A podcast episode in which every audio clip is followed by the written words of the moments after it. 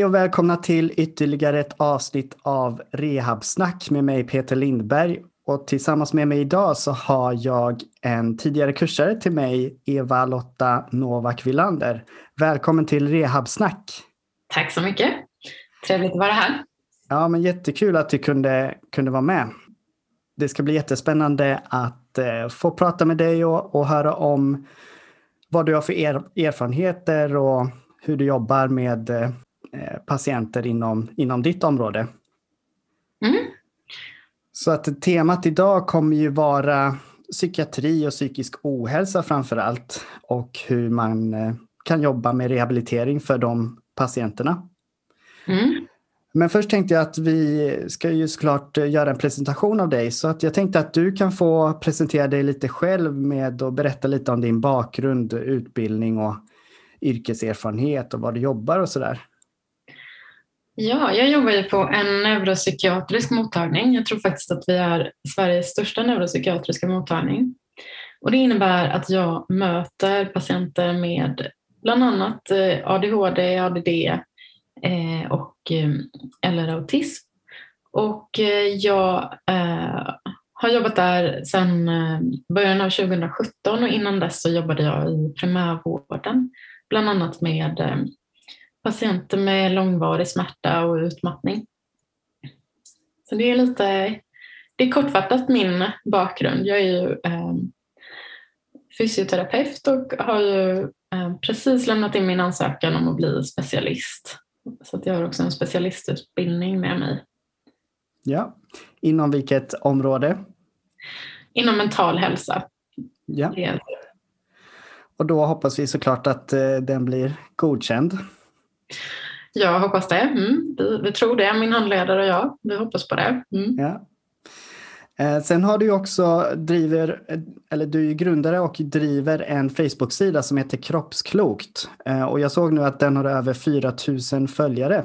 Eh, grattis! Ehm, det är ju väldigt häftigt. Kan du berätta lite om den? Jo, men ehm, det är en sida som jag skapade det som ett projekt i min specialisering. Jag tänkte mig att ja, det här blir ett bra sätt för mig att eh, utveckla och fördjupa mina kunskaper men också för att jag eh, ville lyfta fram ehm, det här området, alltså psykiatrisk fysioterapi eller hur kroppen kan vara en resurs i psykiatrisk behandling. Och varför den har blivit så populär? Jag vet inte. Det, det, jag tror att det finns ehm, ett eh, intresse för eh, det här området. Det, det finns ju många som har jobbat, alltså fysioterapeuter och sjukgymnaster har jobbat med det här sedan 70-talet. Men jag tror att det är inte så många som känner till att man kan jobba på det sättet och många har inte kanske med sig det perspektivet varken när man eh, jobbar inom psykiatrin, om det inte är så att det finns sjukgymnaster och fysioterapeuter och kanske inte heller när man jobbar inom primärvården, att man tänker på liksom vikten av hur psykisk hälsa påverkar också fysisk hälsa. Mm. Um, ja, men precis, och den kopplingen är ju både intressant och väldigt, och väldigt viktig tycker jag att lyfta just kopplingen mellan det fysiska och det psykiska, att det liksom alltid hänger ihop. Ja, jag tänker att det är, det är inte bara viktigt utan det är centralt för att lyckas med behandlingen. Eh, jag skrev ju för några dagar sedan om att den här American Heart Association har ju nu kommit ut med ett eh, uttalande som handlar om att eh, man måste beakta psykisk hälsa vid behandling och förebyggande verksamhet när det gäller hjärt och kärlsjukdomar.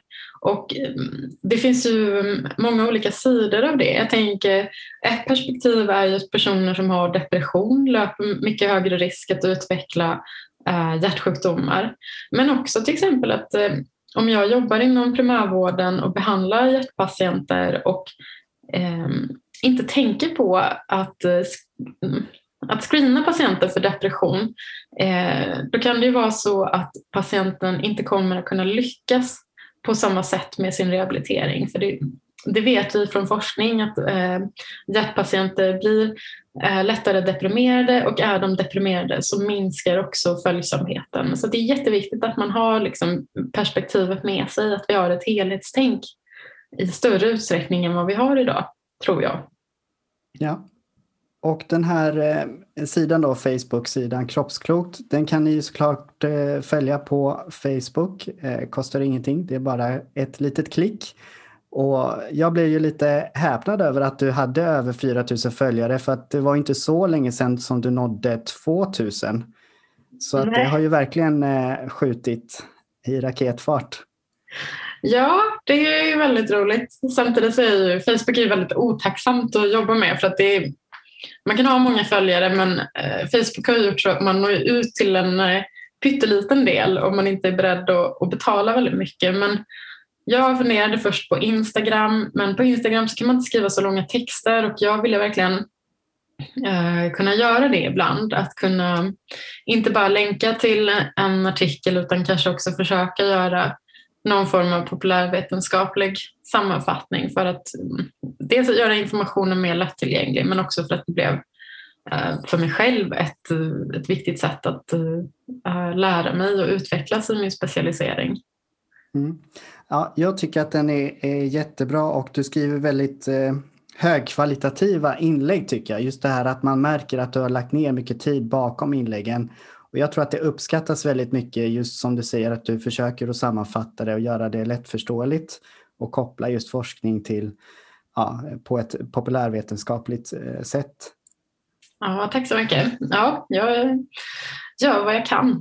Mm, nej, men det, det är superbra. Vad har du fått eh, för respons annars? Ja, men det har varit ganska positiv respons. Det har faktiskt hänt att jag ibland har varit på någon kurs och någon har kommit fram och sagt liksom, ah, ja, jag känner igen ditt namn från den här sidan. Ibland har det hänt att jag har blivit kontaktad av någon fysioterapeut eller kollega ute i landet och de har funderat lite hur tänker du kring hur man kan behandla den här patienten.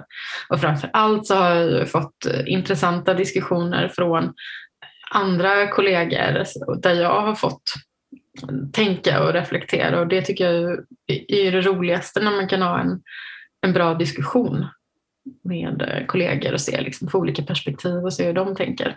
Men också patienter och patientperspektivet. Så att, ja, det, jag tycker det har varit det är ett väldigt roligt projekt. Mm. Och, och också lärorikt kan jag tänka mig för att eh, man lär sig väldigt mycket själv av att lära ut. Ja, men absolut. Jag menar, du har ju också en sida uh, som du jobbar med, så jag antar att du känner igen det här. Mm. Att, uh, det är ju väldigt stimulerande uh, och man tvingas ju också tillgodogöra sig kunskap på ett annat sätt om man måste förmedla det till någon annan. Ja, nej men precis. Okej, så om vi går vidare lite och pratar lite om ditt intresse inom psykiatri och psykisk ohälsa. Ehm, kan du försöka kanske förklara vad, vad är psykiatri för någonting och vad är psykisk ohälsa och vad är, är någon skillnad mellan de två? Det är ju en jättestor fråga. Eh, som jag tror är eh, kanske någon annan som ska svara på vad som är liksom skillnaden mellan psykiatri. Psykiatri är ju liksom benämningen på eh, den gren av sjukvården, den eh, specialistgren inom sjukvården som behandlar psykiatriska sjukdomstillstånd. Eh, Medan psykisk ohälsa är ju en konsekvens ofta av psykiatriska sjukdomstillstånd, men inte alltid. Mm. Nej, men det var väl en toppenbra sammanfattning tycker jag. Ja. Eh, eh, ja, men jättebra, då har vi det definierat där. Men kan du berätta lite om bakgrunden till ditt intresse för detta område och hur det har uppkommit och hur det har utvecklats över, över tid? Ja, alltså egentligen ehm, jag eh, har alltid varit intresserad av det här området och anledningen till att jag ville bli eh, sjukgymnast som det hette när vi började utbildningen eh, det var faktiskt för att jag ville bli barn och ungdomsterapeut och jag ville ha med mig det här kroppsliga perspektivet i eh, behandling. Och innan jag blev, eh, påbörjade sjukgymnastutbildningen så jobbade jag också lite som eh, behandlare på eh, det heter terapikollo Eh, för barn och ungdomar med eh, ja, men, svårigheter. Ehm, så att jag hade det med mig redan när jag började sjukgymnastprogrammet. Men sen så tog det sig lite olika vändningar. Jag har haft lite andra intressen och när jag jobbade inom primärvården så var jag väldigt inriktad på smärta och hade egentligen tänkt först att specialisera mig inom smärta och läst en del smärta. Men sen kom den här öppningen för den här tjänsten inom psykiatrin och eh, ja, jag tyckte det var intressant och eh, sökte och eh, fick jobbet och då blev det liksom naturligt att också behöva utveckla mina kunskaper inom det området. Ehm, så det är väl lite kortfattat. Och som jag förstår det så har du också ett intresse för att försöka lyfta det här med rehabiliteringens roll och vikt inom psykiatrin. Eh, varför tycker du att det är viktigt? Jo, men jag har funderat på det där och jag har tänkt på just ordet rehabilitering. Och I vissa sammanhang, till exempel när det gäller utmattning, eh, då pratar man gärna om utmattningsrehab. Men generellt när det gäller eh, vård inom psykiatri så tror jag man pratar mer om behandling än rehabilitering. Och rehabilitering handlar ju väldigt mycket om att återställa eh, en persons eh, funktion eller att på bästa sätt lyfta personers eh, funktionsförmåga. Eh, och jag ser att eh, det är jätteviktigt att ha det här helhetsperspektivet inom psykiatrin. Och som jag nämnde så har det ju funnits till exempel ja, sjukgymnaster och arbetsterapeuter och kuratorer etc. Det har ju funnits länge inom psykiatrin. Men det som jag har sett och det jag hör från kollegor det är ju att det sker en väldigt allvarlig nedmontering av de här funktionerna. Till exempel så eh, bestämde man i Västra Götaland att man skulle plocka bort både arbetsterapeuter, fysioterapeuter och kuratorer från psykosvården. Och det är otroligt olyckligt eftersom att vi vet att eh, psykos, eh, området psykossjukdomar det är bland det eh, mest eh, begränsande som en person eh, kan drabbas av och där det finns jättestora konsekvenser bland annat vad gäller den fysiska hälsan. Vi vet ju att personer med psykossjukdomar har 15 år eh, kortare medellivslängd än befolkningen i övrigt. Och det handlar till stor del om sjukdomar som är en konsekvens av metabola effekter av den medicinering som de tar och som är, som är livsviktig, som är oundviklig för dem. De måste ta den här medicinen för att kunna fungera. Och eh, har man inte då ett, ett ett, ett större tänk kring patienten där man har de här insatserna i form av till exempel arbetsterapeut och fysioterapeut, då um, ser jag det som att man bara behandlar halva människan. Eh, det är jätteviktigt att man har liksom, att det finns ett helhetsperspektiv inom psykiatrin. Mm. Och där tänker jag, med tanke på det som vi pratade lite kort om tidigare, just det här och lyfta det faktum att det psykiska och det fysiska påverkar varandra hela tiden och att vi inte riktigt kan, eller vi kan inte separera de två. Um, vad tänker du kring det? Ja, men det finns ju hela tiden en, en växande evidens kring det här och det publiceras eh, återkommande såna här olika statements. Ehm, eh, att man kan inte separera de två. Eh, det är jätteviktigt.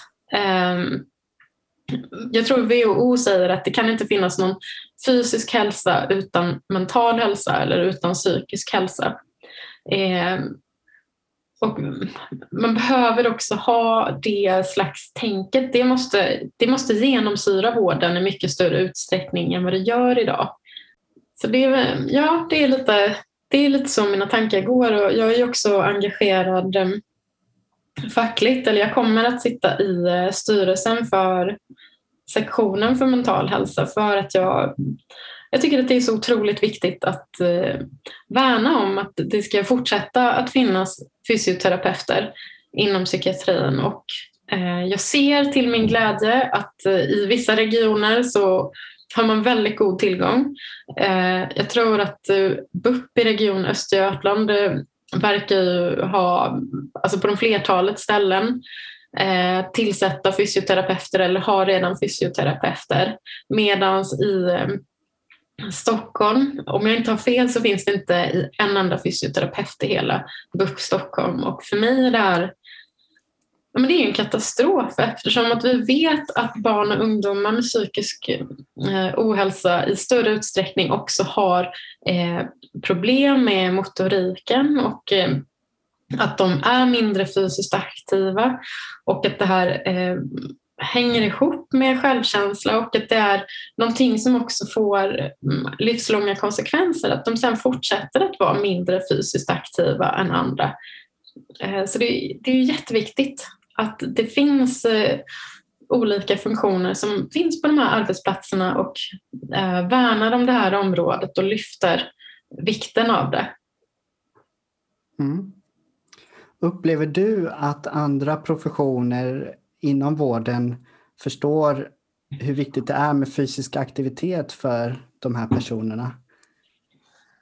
Jag upplever att många förstår det, men jag tror inte att det är många som riktigt förstår vad som krävs för att jobba med fysisk aktivitet eh, för personer med psykisk ohälsa. Jag tror att en del kan tänka sig att det bara handlar om att man ska ge ett litet förrecept och i princip säga upp och hoppa. Liksom. Eh, men så funkar det inte. det, är ju, det är inte bara fråga om eh, rådgivning eh, utan det är fråga om att, att kunna tillgodose kvalificerad rådgivning om anpassad fysisk aktivitet som passar för just den individ man har framför sig och som tar hänsyn till eh, andra, eh, till exempel somatisk ohälsa eh, och personens livssituation och så vidare. Så det, ja, där säger jag att det finns eh, lite att göra.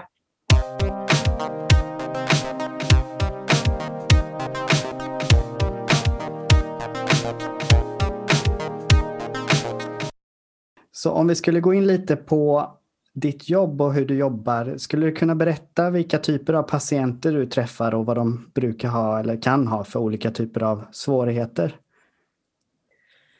Ja, jag jobbar ju som sagt på en neuropsykiatrisk mottagning. jag träffar personer som har i det de har gemensamt är att de har en neuropsykiatrisk eh, funktionsnedsättning. Eh, antingen ADHD, ADD och eller autism. Ehm, och jag skulle vilja säga att liksom, det, det, är kanske det enda de har gemensamt. Det Eh, otroligt eh, olika eh, svårigheter och livssituationer som de här patienterna har som jag träffar. Ehm, det är ett väldigt, väldigt spann kan man säga. Jag skulle säga att jag träffar ganska många unga patienter. De flesta kanske mellan 18, 35, 40. Men jag träffar också patienter upp till kanske ja, 75 år. Men det, det tillhör ovanligheten så jag träffar många unga patienter.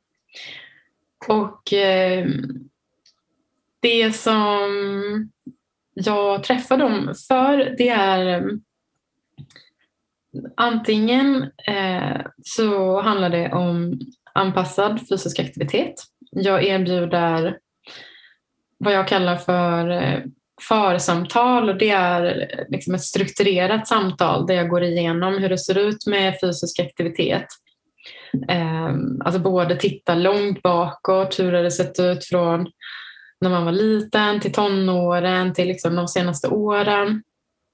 Och hur ser det ut just nu? Och hur skulle man vilja att det såg ut? Och det kan vara jätteolika. Ibland är det bara liksom ett samtal och ibland kan det vara en längre serie av samtal där det är liksom man jobbar motiverande och stödjande under en längre tid. Då. Um, och det kan ju vara, det kan också det kan se jätteolika ut. Alltså en del personer är, um, kanske varit hemmasittare under liksom större delen av skolåren och har ingen erfarenhet av att ha tränat någonting och andra kan ha tränat på elitnivå, kanske landslagsnivå. Så det är, det är väldigt stort spann Um, och svårigheterna kan ju variera allt ifrån att man inte vet någonting om hur det funkar med liksom träning eller hur ska man göra eller vad är lagom och så. Och för andra så kan det handla om att man har eh, en komplex relation till träning. Man kanske har träning som det enda sättet för att hantera ångest och man är van att kunna träna jättehårt och så helt plötsligt har man fått en skada och så funkar det inte längre. Man måste byta inriktning men det är jättetråkigt att behöva ägna sig åt någon annan träning om man liksom har haft eh, någonting som man har liksom kunnat träna på hög nivå. Eh, så det här är, liksom, det här är en viktig del i det jag gör. Sen har jag en annan del där jag jobbar med eh, patienter som har mycket fysiska symptom. Eh, man kanske har haft eh, olika problem med långvarig smärta, mycket spänningsproblematik. Man kan ha andra mer diffusa kroppsliga symptom. Alltså man kan ha det här som heter eh, funktionella symptom. Eh, och man kan ha mm, dissociativa besvär, alltså att man eh, kan uppleva att delar av kroppen är helt avstängd. Eh, och där kan man jobba till exempel ja, för en del personer kan det handla om spänningsreglering, för andra kan det handla om att man jobbar med ehm, eh, att vara i kontakt med sin egen kropp, alltså genom den här metoden då som heter basal kroppskännedom. Så det, det ser ganska olika ut. Och sen utöver det så jobbar jag också med eh, gruppbehandling som vi har på mottagningen då med såna psykoedukativa insatser för personer som precis har fått eh, en diagnos och som vi brukar hålla. Eh, ja, det är flera olika yrkesprofessioner som håller dem då. Mm. Så ni jobbar i team kring de här patienterna eller varierar det? Ja, men det varierar ganska mycket. Jag är med i eh, mitt eh, på min mottagning så har jag eh, hamnat med i ett eh, team som ska jobba med särskilt komplexa patienter. Eh, så att ja, till viss del så jobbar vi i team. Men jag tror man kanske jobbar mer i team på andra ställen än vad vi gör. Mm. Okej. Okay. Och innan du jobbade här så sa du ju att du jobbade inom primärvården. Vad, mm. eh, eh, hur, hur, hur har du tagit med dig erfarenhet från primärvården in i, i detta jobb? Ja, men jag tycker att det är jätteviktigt. Alltså jag har tänkt mycket på det. Liksom, vad behöver man kunna? Och jag tror att det hade varit svårt. Och för mig hade det varit svårt att kunna göra ett lika bra jobb om inte jag hade haft mina erfarenheter från att ha jobbat i primärvården. För primärvården är så himla brett. Du träffar så mycket olika patienter och man får verkligen man får som en slags eh, stor bild över olika eh, liksom sjukdomstillstånd som en patient kan ha och man får ju liksom en förförståelse av hur eh, som behandling kan se ut. Och det innebär ju att det blir lättare för mig att kunna säga till en patient ja, men det här kanske du skulle kunna träffa den och den för liksom inom primärvården. Eh, så det tycker jag har varit jättebra och jag har tänkt på det där att det skulle kanske vara, jag har en kollega som jobbar på en av våra öppenvårdsmottagningar för patienter med psykos och hon jobbar där deltid och andra eh, halvan av sin tjänst har hon inom eh, primärvården. Och jag tänker att egentligen inte det, det är inte ett helt dumt upplägg att ha liksom en fot både inom eh, psykiatrin och i primärvården tror jag.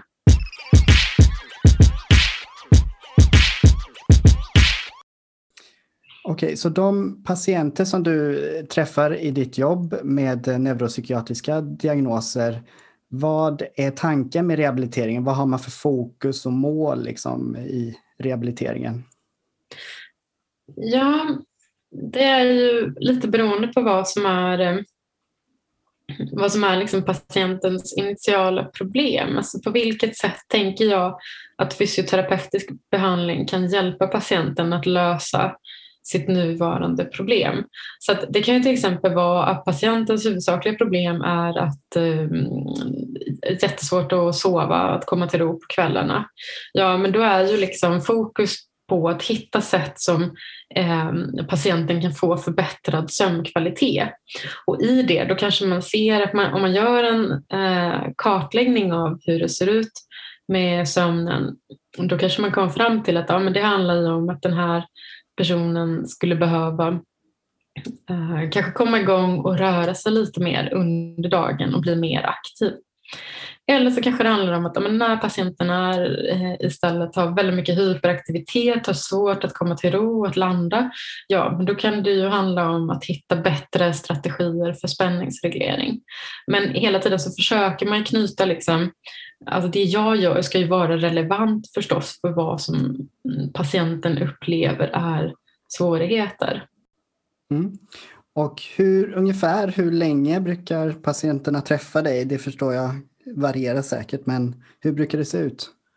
Men det varierar jättemycket. Det är det här att vissa pers personer behöver bara träffa mig några få gånger och andra patienter kan jag ha liksom längre behandlingar. Men jag skulle säga att det är väldigt ovanligt att jag träffar någon mer än 10-12 gånger och då kan det kanske vara spritt över tid.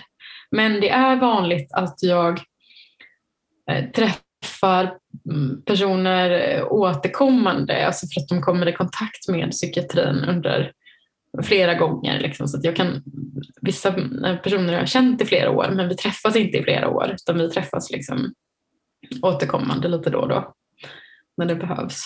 Mm. Och brukar ni hänvisa vidare till primärvården eller hur, hur ser ja, det ut? Ja, det gör jag jättemycket. Jag börjar alltid eh, mina möten med en patient med att eh, säga att det är en form av matchmaking. Där det handlar om att se vad behöver patienten och vad erbjuder jag? Och stämmer det överens? Um, för det kan ju vara väldigt ofta att man upptäcker att nej, men det här skulle faktiskt någon annan göra mycket bättre än mig. Och då är det ju förstås min skyldighet och uppgift att informera patienten om det och sen att hjälpa till att patienten kommer dit. Så att jag skriver remisser flera gånger i veckan och jag remitterar till dietist, till fysioterapeut, till arbetsterapeut. Jag remitterar till um, allmänläkare för olika undersökningar och så vidare. Och det är ju förstås så att man kan söka själv. Men eh, för många så, alltså har man exekutiva svårigheter då ställer det väldigt höga krav om man ska säga liksom att ah, men du kan ringa vilken, vilket ställe du vill. Uh, utan det blir oftast bäst att man, um, om patienten uh, vill, att man bistår med en remiss. Mm. Och apropå det som du sa där med exekutiva eh, förmågor. Eh, mm. Jag tänker på hur påverkar det rehabilitering och, och, ta in information och koncentrera sig och kanske göra någon hemläxa och hålla rutin och disciplin och, och sådär med fysisk aktivitet eller andra mm. övningar? Jo, det påverkar ju jättemycket. Det är ju väldigt viktigt att eh, man tänker på att eh, man behöver hjälpa patienten att klara av att fullfölja behandling. Ehm, behöver se till att det som vi ehm, ger till patienten i hemuppgift är eh, någonting som är hanterbart och rimligt. Eh, att vi ser till att ehm, alltså förstås att man får det liksom kanske skriftligt eller finns det i en app eller hur ska man göra? Liksom. Eh, att man hjälper till, eh, att om en patient avbokar en tid, att man ser till att fånga upp patienten och skickar ut en ny tid i så fall, om patienten vill ha det. Eh, man behöver bli bättre på att ha ett hållande av de här patienterna än vad vi har idag.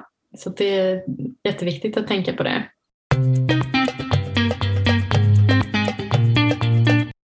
Om vi pratar lite kring kompetens och färdigheter, metoder och sådär. Vad anser du är viktigt att kunna eh, som terapeut när man jobbar med denna patientgrupp eller de här patienterna?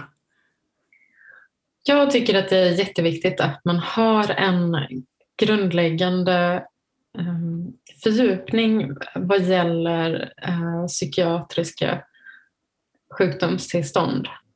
Eh, det är nog det fundamentala. Jag tror inte att vi fick tillräckligt med eh, kunskap i grundutbildningen för att klara av den här typen av komplexa patienter. Jag säger ju att ska man jobba inom specialistvården så tror jag det är rimligt att man har eh, eller tänker sig skaffa en specialistkompetens eller motsvarande. För det ställer ganska höga krav Eh, när man jobbar inom ramen för specialistpsykiatri. Och när man jobbar inom ramen för primärvård, ska man jobba mot de här patienterna då skulle jag också gärna se att man kanske hade specialistkompetens och att då kan det vara viktigt att man har fått erfarenhet genom kanske ranning eller auskultationer av hur det ser ut inom psykiatrin så att man har en förståelse för hur psykiatrisk behandling ser ut och vad som är rimligt att förvänta sig att patienten kan få eller inte få.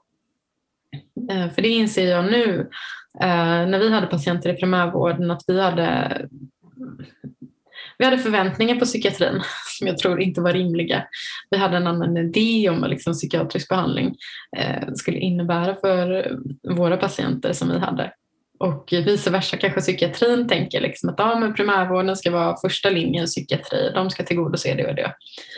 Eh, som jag tror inte alltid sker. Mm. Och om man nu som terapeut är intresserad av att vidareutbilda sig, har du några tips på var man kan börja någonstans? Jag tycker att en fantastisk kurs, alltså om det är så att man är till exempel fysioterapeut eller arbetsterapeut eller eh, ja, socionom, så tycker jag en fantastisk kurs är eh, grundkurs i psykiatri som ges via Uppsala universitet. Och den ges på grundnivå men det är samma föreläsningar som de ger på läkarutbildningen. Och den är 15 poäng men det är på kvartsfart så att man har liksom ett år på sig att läsa in hela kursen. Och jag tycker att med den kommer man väldigt långt. Sen är det ju förstås så att, jag menar nu nämnde jag bara det här, men det är ju klart att man behöver andra kompetenser och färdigheter också. Till exempel så tror jag det är väldigt viktigt att man har vidareutbildning inom eh, någon form av samtalsteknik. Eh, kanske är det mest vanligaste motiverande samtal, MI alltså.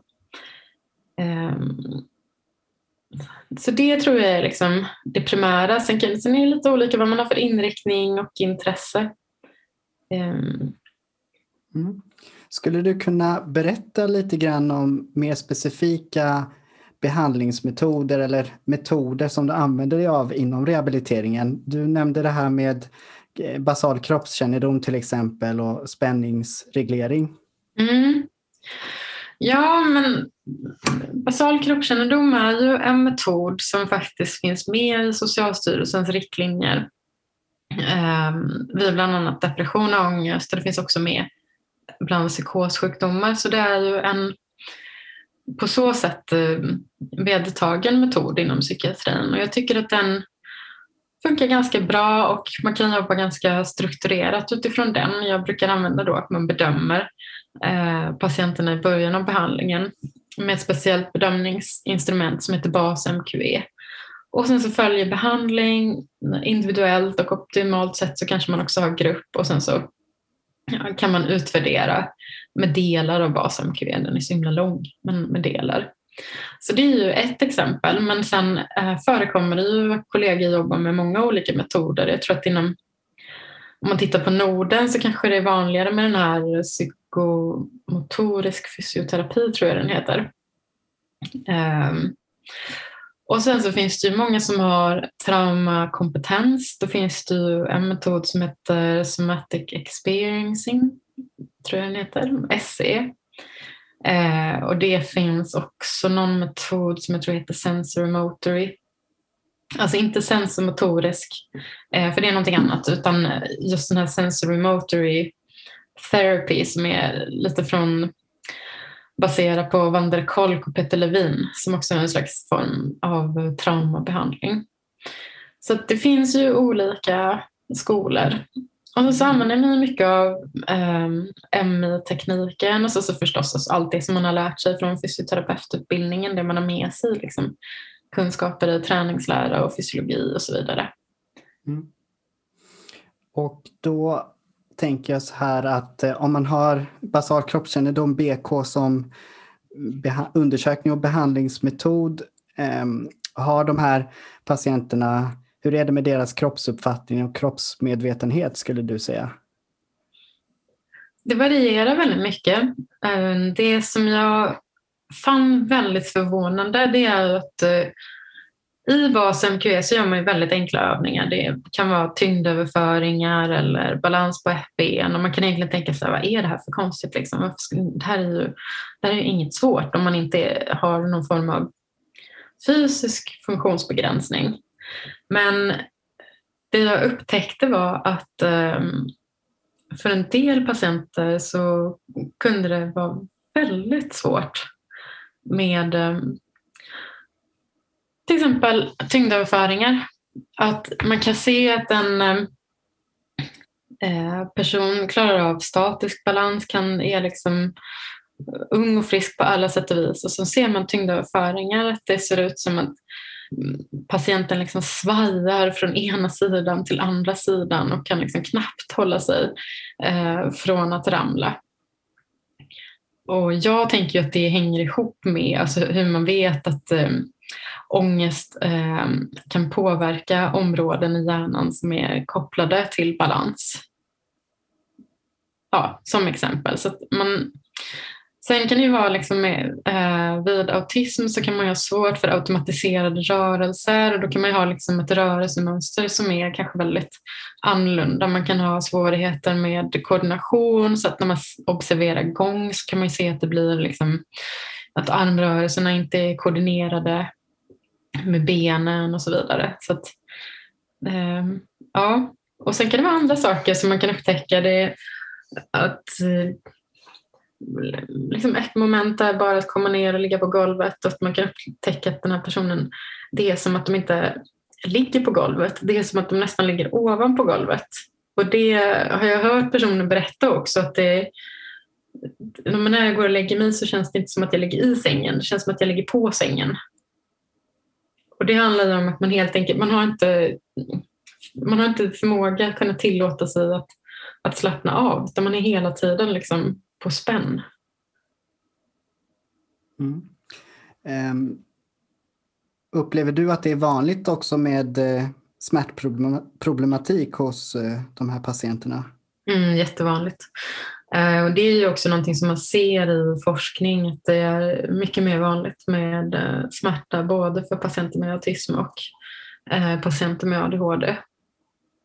Så det är väldigt vanligt. Med, och det är framför allt också väldigt vanligt att man har en överrörlighetsproblematik. Det finns också en del forskning kring det faktiskt nu som jag tycker är väldigt spännande. Just det, det har jag hört talas om också. Mm.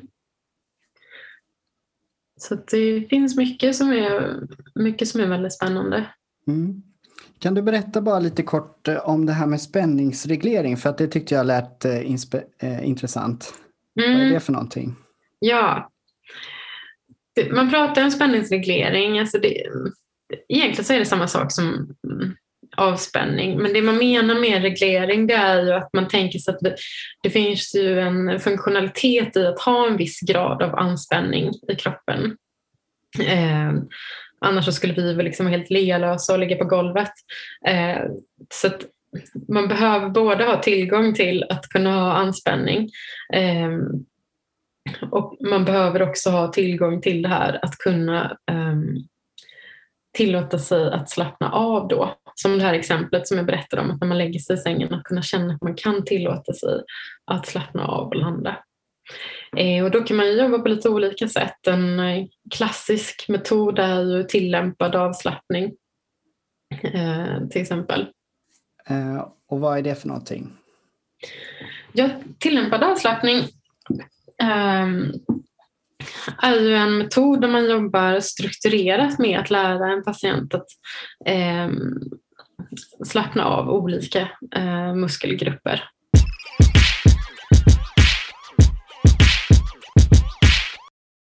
Okej, så vi har fått lite inblick i hur det kan se ut när man jobbar med de här patienterna. Eh, vad skulle du säga, vad har du för tips till eh, vårdgivare som möter de här patienterna till exempel i primärvården och kanske inte har så mycket erfarenhet eller kompetens? Vad bör man tänka på? Vad bör man ha i åtanke?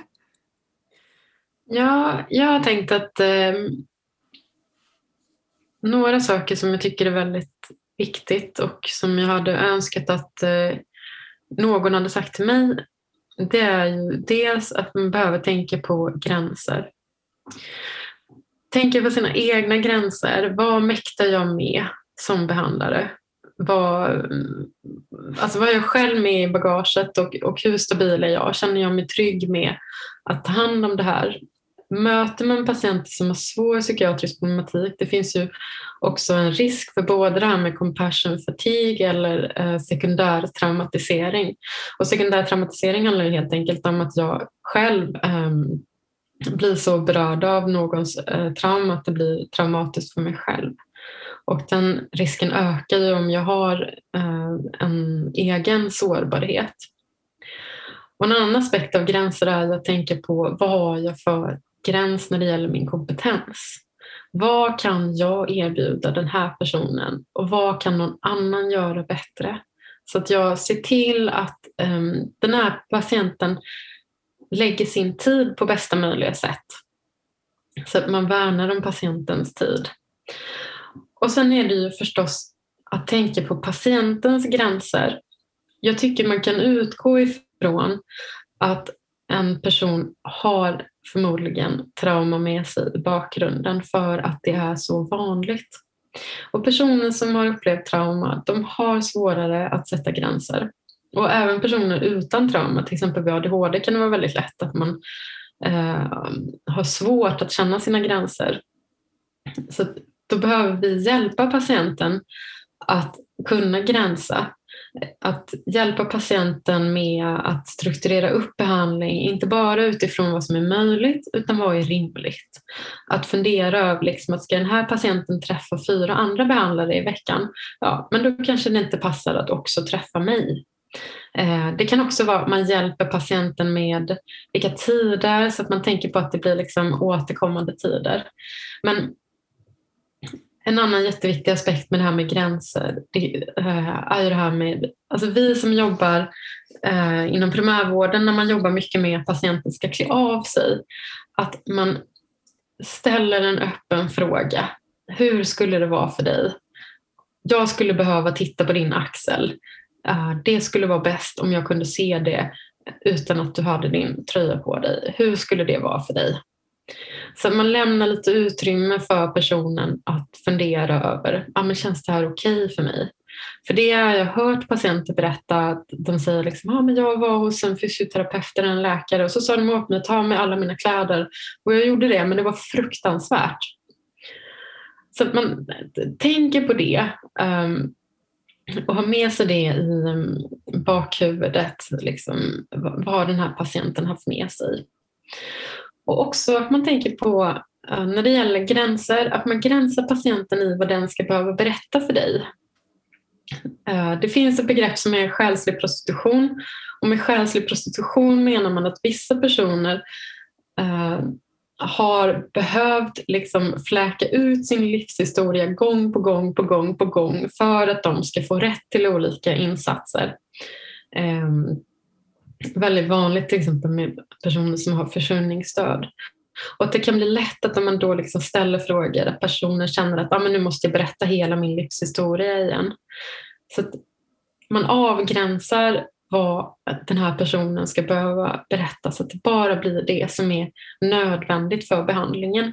Jag säger alltid liksom att jag kommer ställa lite frågor eh, eller jag kommer eh, att fråga dig liksom, vad, vad behöver du hjälp med och jag kommer berätta vad jag gör. vill du att jag ska börja berätta? Ibland så säger de det, ja du får gärna börja berätta. Och då kan patienten ta ställning till just det här, ja men är det den här personen som ska hjälpa mig eller inte? Och kommer vi överens om att det är det, då, brukar jag säga, då, brukar, då kommer jag ställa lite frågor relaterade till din hälsa. Um, och, och, och, samtidigt som det är, det är jätte, förmodligen behöver man ta en fördjupad anamnes där man tar i beaktande sådana aspekter som men hur ser det ut med missbruk, hur ser det ut med våld i nära relationer, hur ser det ut med liksom annan eh, ja, samsjuklighet eller vad, vad är det liksom för hemförhållande. Men att man försöker hitta den här avvägningen. Vad är det liksom som är relevant att jag frågar? Och där, ja, den erfarenheten får liksom komma med tiden och kanske är det så att det, det är bättre att ställa frågan än att inte göra det. Så är det. Um, i synnerhet när det gäller eh, om man misstänker att det förekommer våld i, i nära relationer eller om man misstänker att det förekommer kanske självmordstankar, då är det ju jätteviktigt att ställa de frågorna. Men att man också försöker annars att, att begränsa informationen. Och sen är det jätteviktigt att man tänker på det här med ramar. Att eh, jobba på ett, ett strukturerat sätt med personer som har eh, kognitiva svårigheter. Jag använder jättemycket whiteboard. Jag kan varmt rekommendera, det finns på Youtube så finns det eh, flera videoklipp som heter Motiverande samtal vid eh, ADHD och autism. Där kan man få jättebra tips på hur man kan göra. Men jag använder whiteboard, jag brukar eh, strukturera upp mötet stämma av liksom, hur mycket tid vill du att vi ska lägga idag och vad ska vi hinna med på den här tiden? Vad har jag tänkt och finns det andra saker som, som du skulle vilja ta upp? Och att man eh, ger liksom en förutsägbarhet för patienten. Att, ja, men jag tänkte att vi ska se så här många gånger och jag tänker mig att vi ska göra det och det. Hur, hur verkar det för dig? Så att, det blir, eh, så att det blir tydligt för den man möter. Jag tänker mig att eh, avslutningsvis en sak som är jätteviktig att tänka på när man möter personer med eh, olika neuropsykiatriska funktionsnedsättningar är att man förstår att en person kan vara väldigt, väldigt framgångsrik i eh, ett område, i till exempel sitt yrke, men kan ha väldigt stora svårigheter i andra områden. Och jag gjorde en intervjustudie med personer med ADHD och utmattning om deras erfarenheter av vård och en av mina informanter sa det att det var ingen som trodde att jag kunde ha ADHD för att jag var så framgångsrik på andra sätt i ehm, mitt yrke. Och det är jätteviktigt att vi som behandlare och terapeuter förstår det att det är fullt möjligt att vara väldigt framgångsrik inom ett område och sen kanske ha jättesvårt att få ihop det vad gäller till exempel hemövningar eller um, att orka fullfölja rehabprogram eller att vidmakthålla eh, förändringar som vi har gjort. Så att vi, att vi tar med det.